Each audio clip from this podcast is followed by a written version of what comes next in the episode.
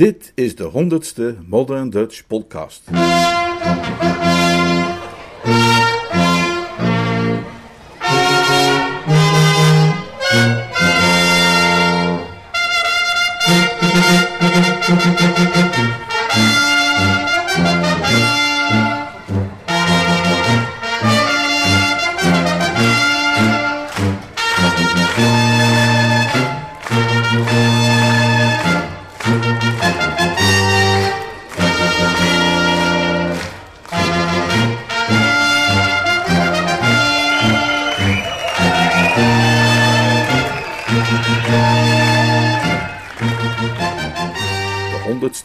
Podcast. Een feestelijk muziekje opende deze aflevering. Ik had me voorgenomen twee jaar vol te houden om elke week een verhaal van Woodhouse of een hoofdstuk uit een van zijn romans voor te lezen en dat is nu dus al bijna gelukt. Het zijn bovendien verhalen in mijn eigen vertaling die voor een deel verschenen zijn bij uitgeverij IJzer in Utrecht. Gedeeltelijk zijn het verhalen die niet eerder in het Nederlands verschenen waren, gedeeltelijk ook nieuwe vertalingen ter vervanging van de overbekende oude, die door het verglijden van de tijd versleten zijn, verouderd, die ooit grappig waren, maar inmiddels heel oudbollig klinken. Dat heb je met vertalingen. Na een jaar of twintig klinken die ouderwets. De vertaling is de bril waarmee je naar het origineel kijkt, en er moeten af en toe nieuwe glazen in, anders zie je het niet scherp meer en niet in de juiste kleuren. Voor deze aflevering heb ik gekozen voor een klassieker. Natuurlijk een Jeeves en Wooster verhaal, een van de bekendste, en wel uit de bundel Very Good Jeeves uit 1930. Het verhaal Jeeves and the Impending Doom. Jeeves en het dreigend noodlot. Niet helemaal een geweldige titel voor een jubileumuitzending misschien, maar een fantastisch verhaal. Veel plezier!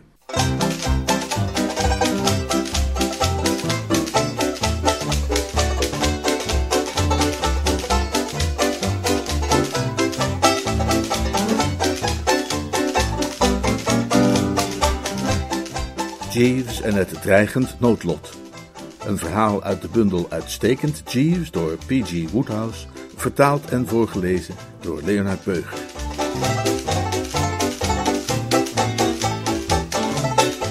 Het was de ochtend van de dag waarop ik op het lijstje stond om mij te melden ten huize van mijn tante Agatha te Woolham, Jersey in het graafschap Hertfordshire, om daar vervolgens drie volle weken door te brengen. En ik wil geenszins ontkennen dat het hart mij uitzonderlijk stroef in de boezem klopte toen ik mij aan de ontbijttafel nederzette. Wij woesters zijn kerels van stavast, maar mijn onverschrokken aanblik verhulde op dat moment een onnoembare angst. Jeeves, zei ik, ik ben vanmorgen niet zo goed geluimd als anders. Oh nee, meneer. Nee, Jeeves, allerminst. Beroerd geluimd zelfs, mag ik wel zeggen. Het spijt me dat te horen, meneer. Hij onthulde de geurig dampende eieren met spek en ik vorkte er treurig wat in rond. Waarom, ik blijf mij dat afvragen, Jeeves, waarom heeft mijn tante Agatha mij op haar landgoed uitgenodigd? Ik zou het u niet kunnen zeggen, meneer. Niet omdat ze zo dol op me is. Nee, meneer. Het is algemeen bekend dat ik haar de kriebels bezorg. Hoe het komt, weet ik ook niet, maar telkens wanneer onze wegen zich kruisen, om zo te zeggen, kun je erop wachten dat ik weer een of andere gruwelijke flater bega, die haar dan met de hakbijl op mij los doet stormen. Dat heeft erin geresulteerd dat ze mij inmiddels beschouwt als een stuk ongedierte en een verstoteling. Heb ik gelijk of niet, Jeeves? Volkomen gelijk, meneer. En toch heeft ze me nu met alle macht bezworen al mijn eerdere afspraken te bevriezen en naar Woolham Jersey te komen afzetten. Ze moeten er een of andere duistere reden voor hebben, waarvan wij niet weten. Valt het mij te verwijten, Jeeves, dat stroeve hart? Allerminst, meneer. Neem mij niet kwalijk, meneer. Ik meen dat er gebeld werd aan de deur. Hij verdween uit het zicht en ik prikte inmiddels enkele ogenblikken lusteloos naar de E met S. Telegram, meneer, zei Jeeves toen hij weer in mijn directe omgeving opdook. Maak open, Jeeves, en lees wat erin staat. Van wie komt het? Het is niet ondertekend, meneer. Je bedoelt dat er geen naam onder staat? Dat is nauwkeurig de gedachte die ik trachtte over te brengen, meneer. Laat eens zien. Ik onderwierp het ding aan een zorgvuldig onderzoek. Het bevatte een wonderlijke boodschap. Wonderlijk. Er is geen ander woord voor. En wel als volgt.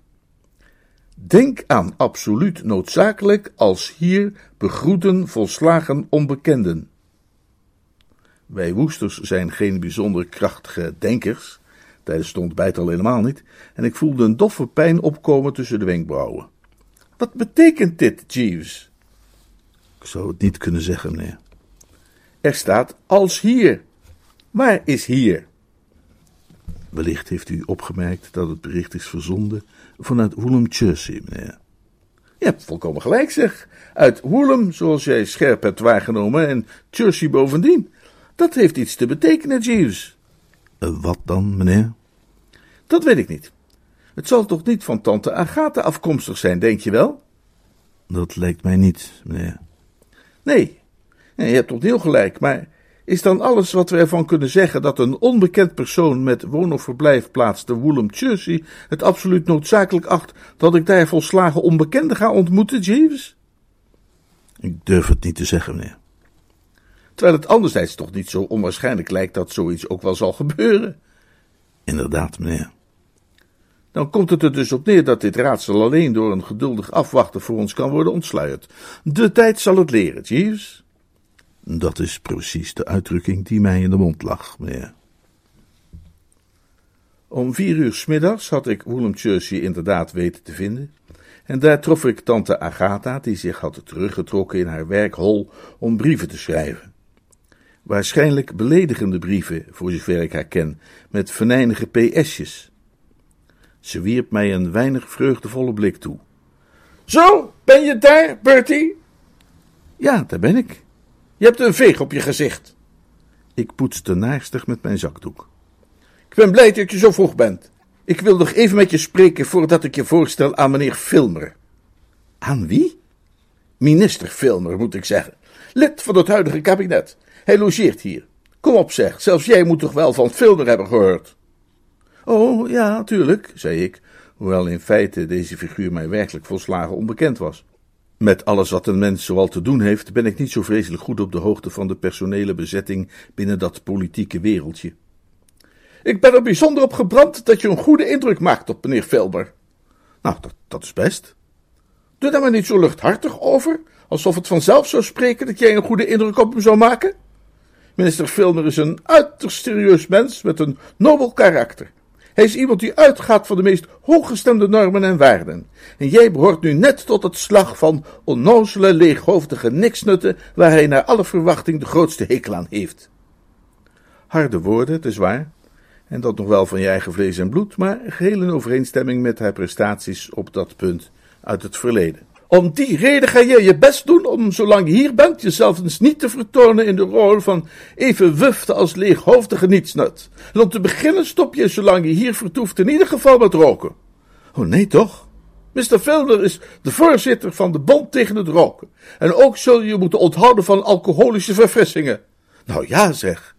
En bovendien wil je wel zo vriendelijk zijn om je in je conversatie verre te houden van iedere toespeling op de kroeg, het biljartspel en je, laten we zeggen, connecties binnen de theaterwereld. Mr. Filmer zal je in belangrijke mate beoordelen op je conversatie.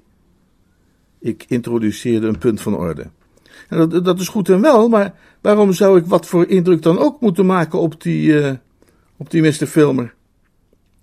Omdat, sprak de oude verwante, terwijl ze een priemende blik op mij richtte, ik daar een bijzondere reden voor heb. Misschien niet een bijzonder snedig weerwoord qua weerwoord, maar het maakte me in elk geval duidelijk dat ik me maar beter bij de verstrekte instructies kon neerleggen. Ik maakte mij met een bezwaard gemoed uit de voeten. Ik richtte mijn schreden naar de tuin en verdraaid als niet de eerste de beste die ik daar tegenkwam, Bingo Little was. Bingo Little en ik zijn makkers, al praktisch sinds onze geboorte. We zijn een paar dagen na elkaar in hetzelfde dorp geboren en gezamenlijk doorliepen we de kleuterklas, Eton en Oxford. Later, in niet wat rijpere jaren, hebben we in de grote stad menige festiviteit van de eerste orde in elkanders gezelschap bijgewoond. Als er één man in de gehele wereld was, dacht ik, die de gruwelen van mijn bezoek aan het onheilige Woolham althans enigszins zou kunnen verlichten, dan was die man wel Bingo Little. Hoe hij hier terecht kwam, was overigens iets dat mij boven de pet ging. Een tijdje geleden namelijk was hij in het huwelijksbootje gestapt met de gevierde schrijfster Rosie M. Banks. En de laatste keer dat ik hem had gezien, had hij op het punt gestaan om te vertrekken naar Amerika als haar begeleider bij een lezingentournee. Ik herinnerde me maar al te goed hoe hij op niet geringe wijze had staan mopperen dat hij door die reis Ascot zou missen. Maar, mal of niet, daar stond Bingo. En snakkend naar de aanblik van een vriendelijk gezicht, toeterde ik in zijn richting. Bingo! Hij draaide zich om en pot voor drie. Zijn gezicht stond allerminst vriendelijk. Het was, zoals dat heet, vertrokken. Hij begon met zijn armen naar me te zwaaien als een seinpaal. Sst, sst, siste hij. Uh, wil je me soms de das omdoen? Hè? Heb je mijn telegram niet gekregen? Kwam dat telegram van jou? Ja, natuurlijk kwam dat telegram van mij. Waarom heb je er dan geen naam onder gezet? Ik heb er wel een naam onder gezet. Helemaal niet, ik snapte er geen hout van. Nou ja, je hebt toch mijn brief gekregen? Welke brief? Ik heb geen brief gekregen. Dan, dan, dan moet ik vergeten zijn die op de pas te doen. Daar, daar, daar stond in dat ik hier was om jouw neefje Thomas bijles te geven. En, en, en, dat het van het grootste belang was dat, als we elkaar hier tegenkwamen, jij mij behandelen zou als een volslagen vrienden. Ja, maar waarom dan? Nou ja, als jouw tante ook maar kon vermoeden dat ik een vriend van jou was, zou ze maar natuurlijk op staande voet ontslaan. Hoezo? Bingo haalde zijn wenkbrauwen op. Hoezo? Denk nou toch eens na, Bertie. Als jij jouw tante was en je wist wat voor soort kerel jij was, zou jij dan een vent waarvan je wist dat het jouw beste vriend was bijles laten geven aan je bloedeigen zoon? De formulering deed me even duizelen, maar toen zijn woorden wat waren bezonken, snapte ik wel wat hij bedoelde, en ik moest toegeven dat die gedachte niet van realistisch inzicht was ontbloot. Maar desondanks had hij me nog niet duidelijk weten te maken waar nu eigenlijk de verklaring lag van het mysterie. Ik dacht dat jij in Amerika zat, zei ik. Nou, niet dus. Hoezo niet? Tot er nu toe gewoon niet dus. Maar waarom heb jij een baantje als bijlesleraar aangenomen? En wat kan jou dat nou schelen? Ik heb er mijn redenen voor. En ik wil je meteen maar even goed in het hoofd prenten, Bertie, voor zover er iets door dat beton heen dringt, dat ze ons niet samen mogen zien ouwe betten. Jouw verachtelijke neefje is eergisteren in de bosjes betrapt met een sigaret en dat heeft mijn positie hier behoorlijk aan het wankelen gebracht. Want je tante heeft als haar mening te kennen gegeven dat het niet zou zijn gebeurd als ik hem op adequate wijze in het oog had gehouden. Als ze daarbovenop zou ontdekken dat ik een vriend ben van jou, is er niets wat mij kan bewaren voor ontslag op staande voet. En het is van vitaal belang dat ik niet word ontslagen, op wat voor voet dan ook. Hoezo? Doet er niet toe, hoezo? Op dat moment scheen hij iemand te horen aankomen, want met een onverwachte behendigheid dook hij plotseling tussen de lauwerstruiken. En ik kuierde verder met het oogmerk Jeeves eens te polsen omtrent al deze wonderlijke gebeurtenissen. Jeeves, zei ik, de slaapkamer betredend waar hij mijn koffers aan het uitpakken was, herinner jij je nog dat telegram? Zeker, meneer. Dat was van Mr. Little afkomstig. Hij is hier om bijles te geven aan mijn neefje Thomas. Is dat zo, meneer? Ik begrijp er niets van. Hij is toch zijn eigen baas, als u begrijpt wat ik bedoel. Waarom zou iemand die zijn eigen baas is zo lichtzinnig zijn zich in hetzelfde huis te wagen als waar mijn tante Agatha resideert? Een merkwaardige onderneming, meneer. En bovendien, zou iemand nou heus vrijwillig en alleen voor de aardigheid bijles gaan geven aan mijn neefje Thomas, die toch algemeen bekend staat als een donderse lastbak? Ja, als een duivel in menselijke gedaante? Dat is hoogst onwaarschijnlijk, meneer. Een duistere aangelegenheid, Jeeves. Inderdaad, meneer. En het akeligste van dat alles is dat hij het, uh, om zijn baantje te behouden, nodig acht om mij te moeten mijden als de pest. Op die manier berooft hij mij van de enige kans die ik had om nog een beetje een fatsoenlijke tijd te kunnen doorbrengen in dit oord van verschrikking. Want besef jij wel, Jeeves, dat mijn tante mij voor de duur van mijn verblijf hier het roken heeft ontzegd? Werkelijk, meneer? Evenals het drinken? Om welke reden, meneer? Omdat zij, om een geheimzinnige en duistere reden die ze weigert te openbaren, wil dat ik een goede indruk maak op de een of andere kerel die Filmer heet. Bijzonder treurig, meneer. Hoewel ook vele artsen, naar ik begrijp, een dergelijke onthouding aanbevelen als het geheim van een goede gezondheid. Zij beweren dat het de bloedsomloop bevordert en de aderen beschermt tegen een vroegtijdige verharding. Oh ja, zeg. Nou, als je ze weer eens spreekt, zeg dan maar dat ze kletspraat verkopen. Uitstekend, meneer. En zo begon de heftigste logeerpartij die ik van mijn leven heb meegemaakt. Ik heb op dat punt een zeer bewogen loopbaan, maar dat kan ik toch zonder twijfel wel zeggen.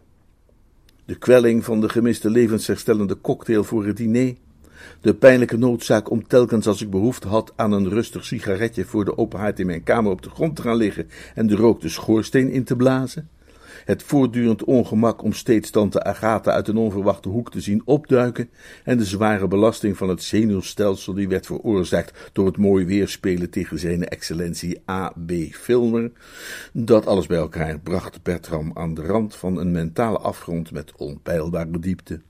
Dagelijks speelde ik golf met zijn excellentie. Een beproeving die alleen kon worden doorstaan door de tanden orthodontisch onverantwoord op elkaar geklemd te houden en de stijf gespannen vuisten met hun spierwitte knokkels diep in de zakken verborgen te houden. Zijn excellentie speelde beroerder golf dan ik ooit had meegemaakt en deed dat vergezeld gaan van een conversatie die wat mij betreft alle waanzin overtrof. Het geheel had ervoor gezorgd dat ik behoorlijk medelijden met mezelf was gaan krijgen. Op een avond bevond ik mij in mijn kamer, lustlos bezig om mij in de gebruikelijke vermomming te hijsen voor het avondmaal, toen onze bingo binnendruppelde en mij op heel andere sombere gedachten bracht dan de mijne. Want gaat het om een vriend die in de soep is geraakt, dan denken wij woesters niet langer aan onszelf.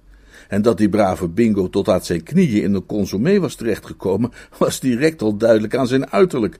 Dat deed denken aan dat van een kat die zojuist is getroffen door een halve baksteen en elk moment de andere helft verwacht.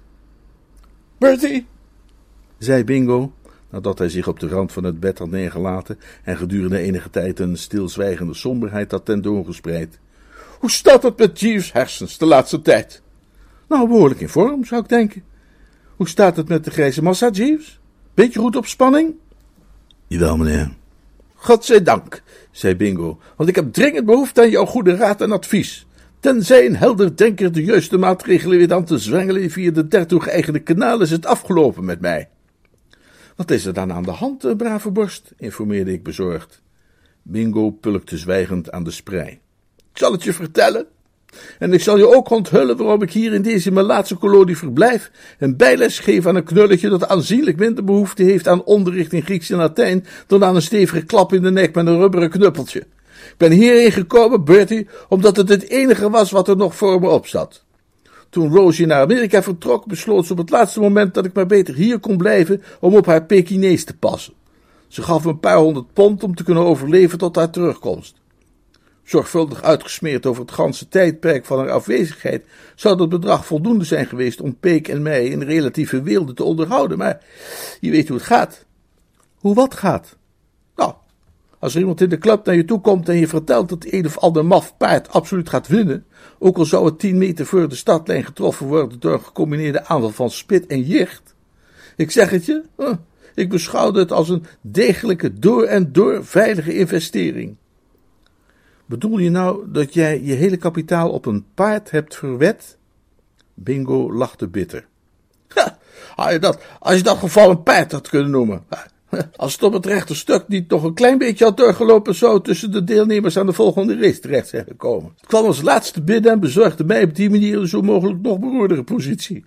Ik moest op de een of andere manier fondsen zien te vinden om in mijn levensonderhoud te voorzien en mezelf zien te redden tot Rosie terug zou komen, zonder dat zij te weten zou komen wat ik had uitgespookt.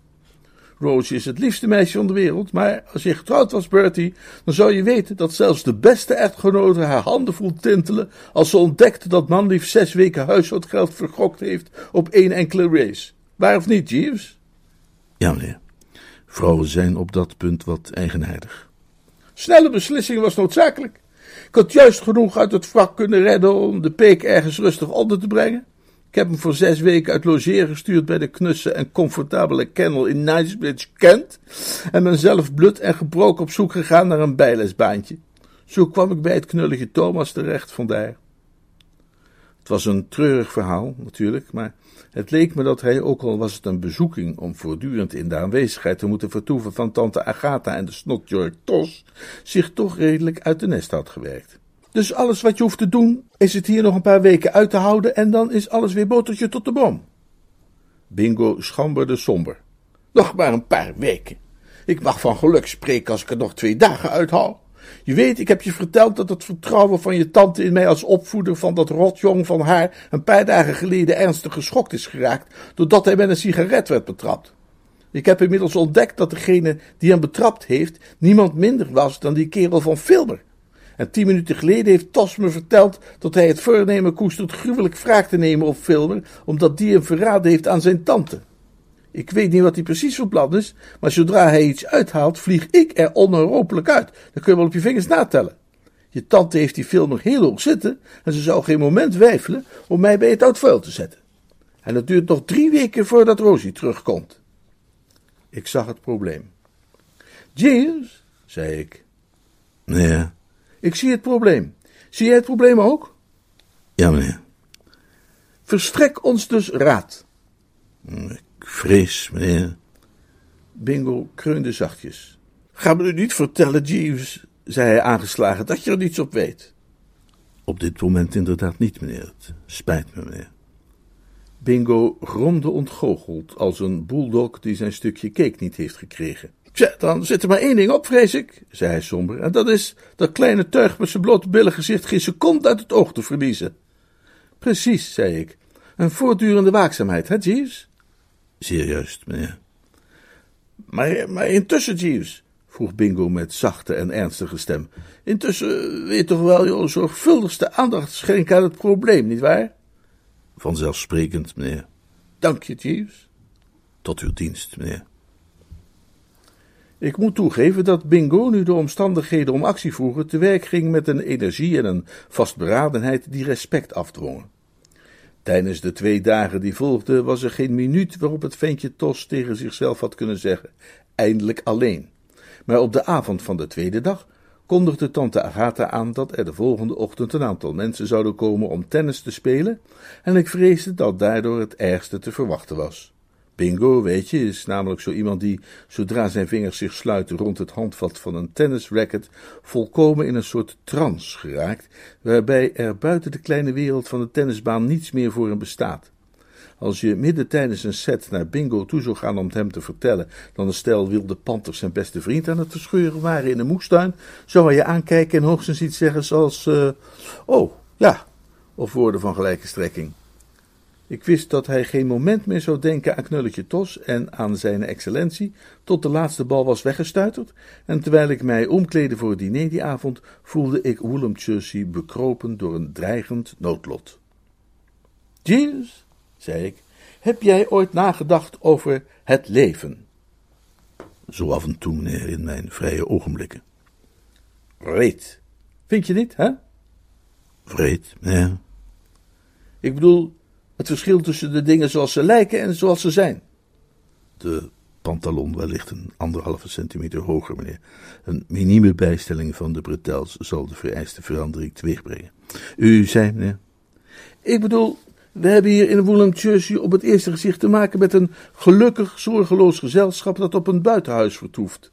Maar onder dat glanzend oppervlak, Jeeves, woelen duistere stromen. Wij zien zijn excellentie zich te buiten gaan aan zalmsalade tijdens de lunch en achter hem een man zonder de geringste zorg in de wereld, terwijl al die tijd een dreigend noodlot hem nadert en stap voor stap naderbij sluipt. Wat denk jij dat knulletje Thomas precies voor hem in petto heeft?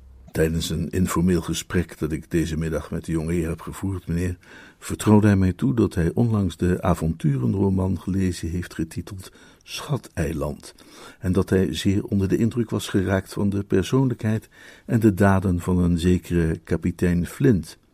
Ik maakte daaruit op dat hij overwoog zijn handelen te richten naar het voorbeeld van deze gezagvoerder. Maar goeie hemel, Jeeves, als ik mijn Schateiland correct herinner, was Flint die figuur die rondliep met zo'n kapmes, waarmee hij op mensen loshakte. Je denkt toch niet dat het ventje Thomas Mr. Filmer met een kapmes te lijf zal gaan? Mogelijk beschikt hij niet over een kapmes, meneer. Nou ja, met iets anders dan? Het valt slechts af te wachten, meneer. Het strikje, als u mij de suggestie wilt permitteren, kan wellicht een tikje strakker. Men streeft naar het volmaakte vlindereffect. Als u mij toestaat? Wat doen strikjes en tikjes ertoe, Jeeves, op het moment als dit? Hè? Besef je wel dat het huiselijk geluk van Mr. Little aan een zijde draad hangt? Er zijn geen momenten, meneer, waarop strikken er niet toe doen. Ik kon zien dat ik de man had gekwetst, maar ik deed geen poging de wond te helen. Ik was, ach, hoe heet het? Bekommerd. Ik was bekommerd, weet u, en, en verontrust. Ik vreesde met grote vrezen. Ik vreesde nog altijd, toen de volgende dag om half drie het feest op de tennisbaan een aanvang nam. Het was zo'n hete, broeierige dag waarop het elk moment kan gaan onweren. En het leek me dat dat niet het enige was wat er broeide. Bingo, zei ik, terwijl we ons door het eerste dubbelspel heen sloegen. Ik vraag me af wat onze tos vanmiddag van plan is, nu het oog van de meester even niet op hem rust. Hè? zei Bingo afwezig. De tennisblik lag al op zijn gezicht en zijn ogen hadden een starende uitdrukking. Hij zwaaide met zijn racket en brieste lichtelijk. Ik zie hem nergens, zei ik. Wat doe je niet? Zien, hem. Wie? Toske. Hoezo? Ik liet het verder maar zitten. De enige troost die ik ondervond in dit somber uur tijdens de opening van het toernooi was dat zijn excellentie had plaatsgenomen onder de toeschouwers en daarbij beklemd was geraakt tussen twee gevorderde dames met parasols. Het gezond verstand leerde me dat zelfs een knaap met een zo zondig verleden als Thomas het wel uit zijn hoofd zou laten een aanslag te wagen op iemand die zich in een dusdanig strategische positie bevond. Aanzienlijk opgelucht gaf ik mij over aan het spel, en juist was ik bezig de plaatselijke dominee met de nodige verven van katoen te geven, toen er een donderslag weer klonk en de regen met emmers tegelijk uit de hemel begon te storten. We stampten met de hele kudde terug naar het huis en droomden samen in de salon voor de thee. Tot tante Agatha plotseling opkeek van haar sandwich met komkommer en vroeg: Heeft iemand Mr. Filbar gezien? Dit was een van de lastigste pakken waar ik ooit in was terechtgekomen.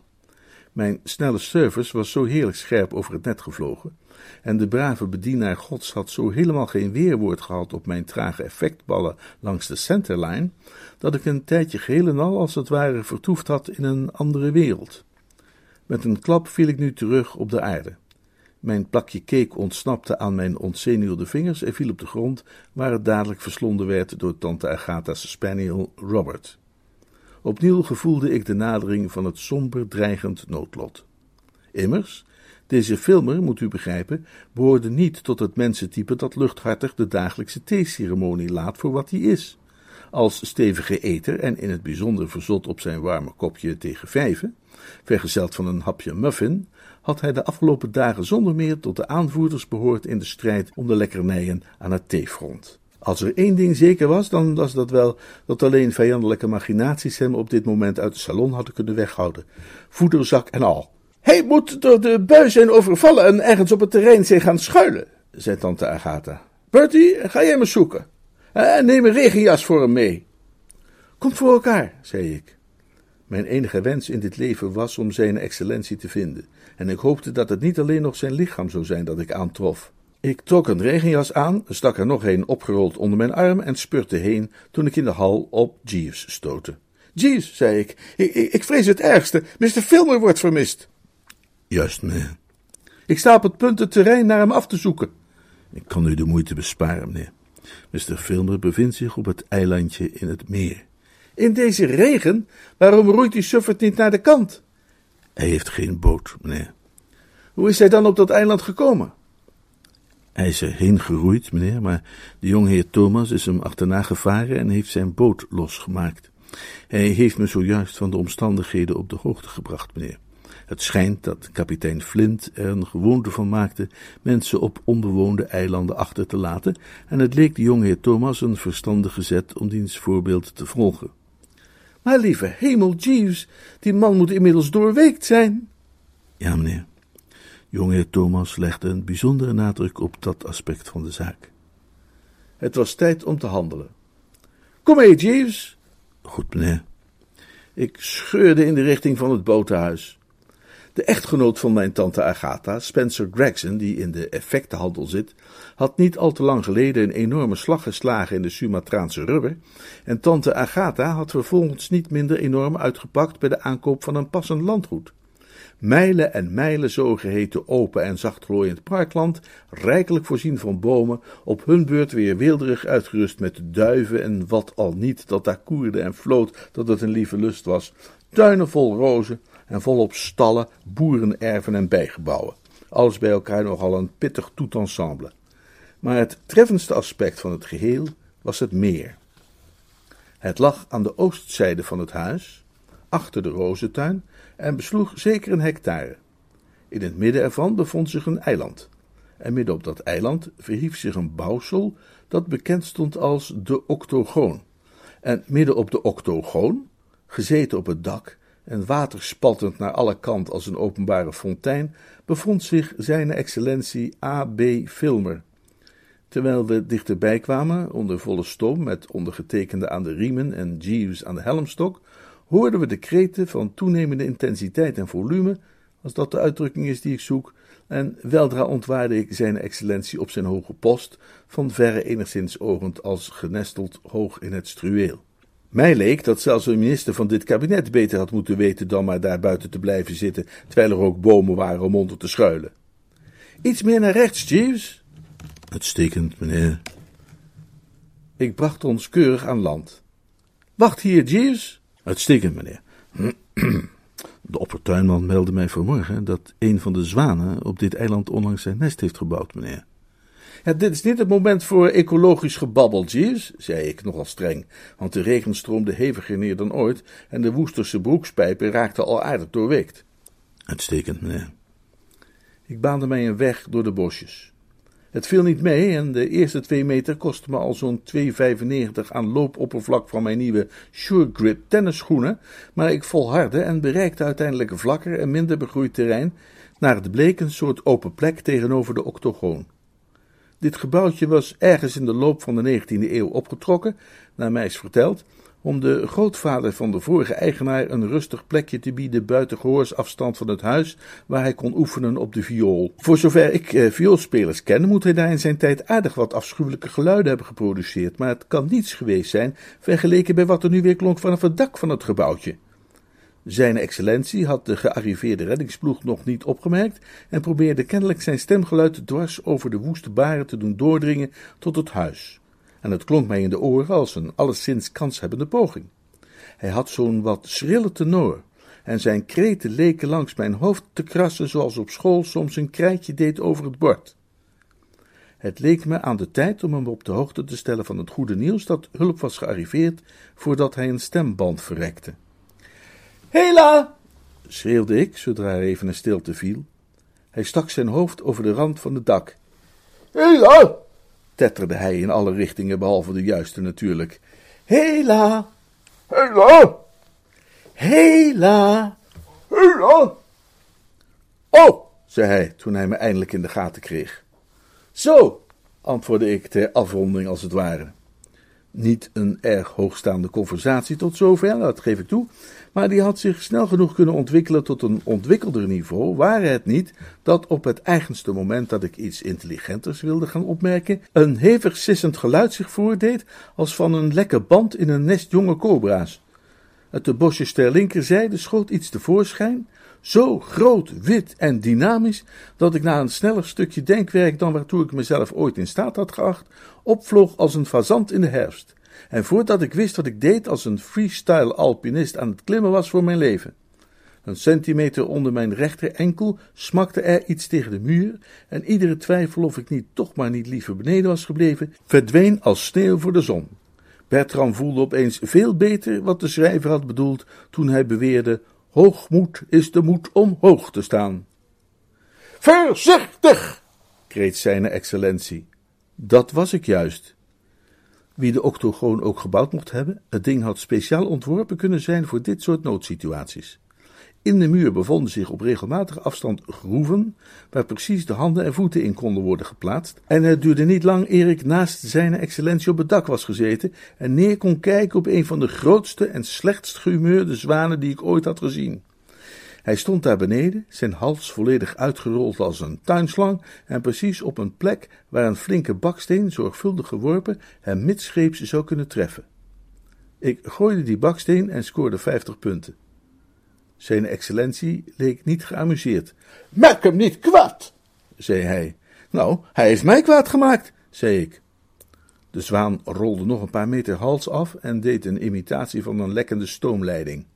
De regen bleef intussen neervallen met een bijna drammerige persistentie, en het speet me dat ik in de opwinding waarmee men gewoonlijk zulke onverwachte klimpartijen langs stenen muren volbrengt, de regenjas had laten vallen die ik had meegebracht voor mijn mede-dakvluchteling. Een ogenblik overwoog ik om hem de mijne aan te bieden, maar verstandiger overwegingen namen de overhand. Hoe dicht zat hij u op de hielen? vroeg ik. Het scheelde geen haar, antwoordde mijn metgezel, terwijl hij met een blik van duidelijke afkeer naar beneden keek. Ik heb een reuzensprong moeten maken. Zijn excellentie was een tonrond mannetje, dat eruit zag alsof ze hem in vloeibare toestand in zijn kleren hadden gegoten, waarbij hij vergeten had op het juiste moment ho te zeggen. En het beeld dat hij opriep van zijn vlucht bood een zekere amusementswaarde, als u begrijpt wat ik bedoel. Dat is allerminst om te lachen, zei hij. Hij verschoof zijn blik van afkeer in mijn richting. Sorry? Ik had ernstig gewond kunnen raken. Wilt u misschien ook een baksteen werpen naar het monster? Laat dat. Dat vindt het beest niet leuk. Niet leuk? Hij heeft zelf verdomd weinig rekening gehouden met onze gevoelens en voorkeuren. Zijn excellentie sneed een ander onderwerp aan met betrekking tot onze situatie. Ik begrijp niet hoe mijn boot, die ik toch stevig had vastgelegd aan de stomp van een wilgeboom, zomaar kan zijn weggedreven. Bijzonder geheimzinnig, ja. Begint te vermoeden dat hij met opzet is losgemaakt door een kwaadwillend iemand. Ach nee, zeg, kom, kom, dat zal toch niet? Dan had u dat toch gezien? Nee, meneer Woester, die bosjes zijn erg dicht. Bovendien, er heerste vanmiddag een dermate lome hitte, dat ik vrijwel meteen toen ik op dit eiland was aangekomen, ben ingedobbeld. Ik had liever niet dat hij deze gedachte nog verder uitspitte, dus ik veranderde het onderwerp van gesprek. Nat, hè? zei ik. Ik had het opgemerkt, antwoordde zijn excellentie op bitter cynische toon. Maar bedankt dat u zo vriendelijk bent mij daar nog eens extra op te wijzen. Een kletspraatje over het weer zat er dus ook niet zo erg in, en ik probeerde daarom maar eens met de vogels in parken en tuinen. Heeft u wel eens gezien, vroeg ik, dat de wenkbrauwen van zo'n zwaan in het midden, zeg maar, tegen elkaar aankomen? Ik heb ruimschoots gelegenheid gehad inmiddels om naar hartelust waarnemingen te doen aan zwanen. Ze krijgen er nogal een chagrijnige uitdrukking van, vindt u niet? Het was mij niet ontgaan, meneer Woester. Wonderlijk, zei ik, want ik kwam nu echt op dreef rond dit onderwerp. Wonderlijk om te merken wat een desastreus effect het gezinsleven heeft op de doorgaans toch zo vredige uitstraling van zwanen.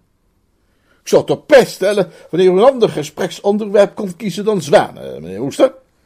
Nee, nee, echt, het is heel interessant. Ik bedoel, maar uh, onder normale omstandigheden is onze vriend hier beneden het zonnetje in huis. Hè? Handtam en aanspreekbaar. Maar zuiver en alleen omdat moeder de vrouw zijn nodige nestje wil bouwen. Ik zweeg. U zult me nauwelijks willen geloven, maar met alle heisa en gedoe tot nog toe was ik glad vergeten dat terwijl wij zo oncomfortabel à l'improviste het dak op waren gejaagd, al die tijd een machtig brein op de achtergrond had vertoefd, dat ons desgevraagd uit de losse mouw een tiental riante oplossingen had kunnen suggereren voor ons probleempje, mits daarvan in kennis gesteld. Jeeves! riep ik. Klonk zijn stem zwak, doch respectvol uit ongekende verte. Mijn bediende, lichtte ik toe aan zijn excellentie. Een, een uiterst wijs en vindingrijk man. Die heeft ons hier in een oogwenk vandaan. Jeeves! Ja? Ik zit op het dak. Uitstekend, meneer. Niks uitstekend. Kom ons helpen. Meneer Filmer en ik zitten hier vast, Jeeves. Uitstekend, meneer. En dan hang het toch op met dat uitstekend. Het is helemaal niet uitstekend. Het wemelt hier van de zwanen. Ik zal ogenblikkelijk de nodige maatregelen treffen, meneer. Ik wendde mij tot de excellentie. Ik ging zelfs zover hem op de rug te kloppen. Het was alsof ik op een natte spons sloeg. Alles in orde, zei ik. Jeeves komt eraan. Wat kan hij eraan doen? Ik fronste. Smans toon was chagrijnig geweest en dat beviel me niets. Dat, zei ik enigszins stijfjes, valt niet te zeggen voordat we hem in actie hebben gezien. Hij kan het een doen, dan wel het ander. Maar er is één ding waarop u volledig kunt vertrouwen. Jeeves vindt een oplossing. Kijk, daar komt hij aangeslopen door het struikgewas. De intelligentie spat van zijn gelaat. Er is niets wat Jeeves brein niet vermag. Hij leeft vrijwel uitsluitend op vis. Ik boog mij over de rand en tuurde in de afgrond. Kijk uit voor die zwaan, Jeeves. Ik heb het dier onder zorgvuldige observatie, meneer. De zwaan had een nieuwe voorraad hals afgewikkeld in onze richting, maar zwaaide die nu naar de andere kant. Het geluid van een stem achter hem leek hem machtig aan te grijpen. Hij onderwierp Jeeves aan een korte, doordringende inspectie, haalde vervolgens adem voor cis-doeleinden, maakte een soort sprongetje en viel aan. Kijk uit, Jeeves! Uitstekend, meneer. Nou ja, ik had die zwaan zo ook wel kunnen zeggen dat al zijn moeiten te vergeefs zouden zijn. Voor een zwaan mocht hij misschien van redelijke intelligentie genoemd worden, maar tegen een stel hersenen als dat van Jeeves was het arme dier uiteraard niet opgewassen. Pure tijdverspilling. Hij had net zo goed meteen naar huis kunnen gaan. Iedere jongeling die het leven tegemoet treedt, zou moeten weten hoe om te gaan met een nijdige zwaan. En ik zal daarom de juiste procedure hier nog eens onder woorden brengen. Men neemt, om te beginnen, de regenjas die iemand heeft laten vallen, maakt een zorgvuldige inschatting van de benodigde afstand en schuift vervolgens de regenjas eenvoudig over de kop van het dier. Dan neemt men de bootshaak die men uit voorzichtigheidsoverwegingen heeft meegebracht, steekt die onder het lichaam van de zwaan door en geeft een hijs. De zwaan zal dan de bosjes invluchten en daar proberen zichzelf van de regenjas te bevrijden.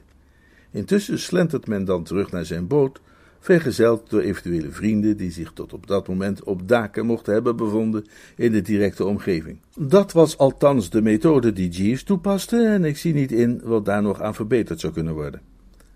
Zijn excellentie toonde een snelheid waartoe ik hem niet in staat zou hebben geacht en in aanzienlijk minder dan twee oogwenken waren we terug in de boot. Dat, dat heb jij bijzonder intelligent opgelost, eh, beste man, sprak zijn excellentie terwijl we van wal staken. Bevredigend resultaat is altijd mijn oogmerk, meneer. Zijn excellentie leek hiermee voorlopig uitgepraat. Vanaf dat moment zeeg hij wat ineen en leek zich te wijden aan zijn persoonlijke meditatie, verregaand in gedachten verzonken. Zelfs toen ik een krabbetje ving en per ongeluk zowat een half liter water in zijn nek goot, leek hij dat nauwelijks te merken. Pas toen we aan land waren, keerde het leven in hem terug. Meneer Woester. Uh, ja? Ik had nog eens nagedacht over die kwestie waar ik het zojuist met u over had. De vraag hoe die boot los kan zijn geraakt. Dat klonk mij niet goed in de oren. Ja, een zakkersprobleem dat, zei ik. Daar, daar kunt u maar beter niet te lang bij stilstaan, dat lost u toch niet op. Integendeel, ik ben daarin tot een oordeel gekomen en het enige steekhoudende oordeel als u het mij vraagt. Ik ben ervan overtuigd dat mijn boot is losgemaakt door die jonge Thomas, de zoon van mijn gastvrouw. Ach, nee zeg, hoe dat? Heeft een grief tegen mij. Het kan ook niet anders geweest zijn dan zo'n jongen of anders een halve imbecile die zoiets zou bedenken. Hij beende in de richting van het huis en ik wendde mij vol ontzetting tot Jeeves. Ja, vol ontzetting, zo mag dat best wel genoemd worden. Heb je dat gehoord, Jeeves? Ja, meneer. Wat, wat moeten we doen? Misschien komt de heer Filmer bij nadere overweging tot de conclusie dat zijn verdenking onterecht is geweest. Maar, maar, maar die is niet onterecht. Nee, meneer. Dus wat moeten we doen? Ik zou het u niet kunnen zeggen, meneer. Ik spoedde mij met gezwinde pas naar het grote huis, meldde bij tante Agatha de redding van de excellentie en klauterde daarna de trap op voor een warm bad dat de klamme gevolgen van mijn escapades kon herstellen. Terwijl ik van de weldadige warmte genoot, werd er op de deur geklopt. Het was Benson, tante Agatha's butler. Mevrouw Gregson heeft mij verzocht u te zeggen, meneer, dat u graag even zult spreken, zodra u klaar bent. Maar ik heb haar net al even gesproken. Ik veronderstel dat zij u opnieuw wenst te zien, ja. Oh, nou, goed hoor. Ik dook voor nog een minuut onder de oppervlakte, maar droogde daarna het karkas en liep over de gang terug naar mijn kamer. Daar vond ik Jeeves die wat ondergoed sorteerde. Oh, Jeeves, zei ik, ik heb nog eens even nagedacht. Moet er eigenlijk niet iemand met een dosis kinine of iets naar de heer Filmer? Daad van zuivere naaste liefde toch? Daar heb ik reeds voor gezorgd, meneer. Mooi zo. Ik kan niet zeggen dat ik echt dol op die man ben, maar ik wens hem ook weer geen uh, neusholteontsteking. Ik stroopte een sok langs de enkels. Jeeves, zei ik, ik neem aan dat je beseft dat we snel iets zullen moeten bedenken. Ik bedoel, je bent je toch wel bewust van de situatie? Zijn excellentie verdenkt die vreselijke Thomas van precies de wandaad die hij ook heeft verricht. En als hij die verdenking hard weet te maken, zal tante Agatha onmiddellijk Mr. Little ontslaan en zal Mrs. Little erachter komen wat Mr. Little heeft uitgesproken. En wat zal daar weer het onvermijdelijk resultaat van zijn, Jeeves? Dat zal ik je vertellen. Dat betekent dat Mrs. Little voortaan te veel weet over Mr. Little. Ik ben maar een eenvoudige vrijgezel, maar zelfs ik kan je vertellen dat om het sportieve spel van geven en nemen te kunnen blijven spelen binnen een huwelijk, die subtiele balans in evenwicht te houden, een vrouw vooral niet te veel moet weten van haar man. Vrouwen onthouden zulke dingen, Jeeves, en ze zeuren erover. Vergeven en vergeten, daar doen ze niet aan. Uiterst waar, meneer. Dus wat doen we? Ik heb reeds in de kwestie voorzien, meneer. Oh ja? Ja, meneer. Dadelijk nadat ik uw gezelschap verlaten had, deed zich een oplossing voor het onderhavige probleem aan mij voor. Het was een opmerking van de heer Filmer die mij op het idee bracht. Jeeves, je bent geweldig. Dank u, meneer. En hoe luidde die oplossing? Ik suggereerde aan de heer Filmer dat u degene was die zijn boot had gestolen. Het schemerde voor mijn ogen. Ik greep mijn andere sok koortsachtig vast. Je, je, je, suggereerde wat?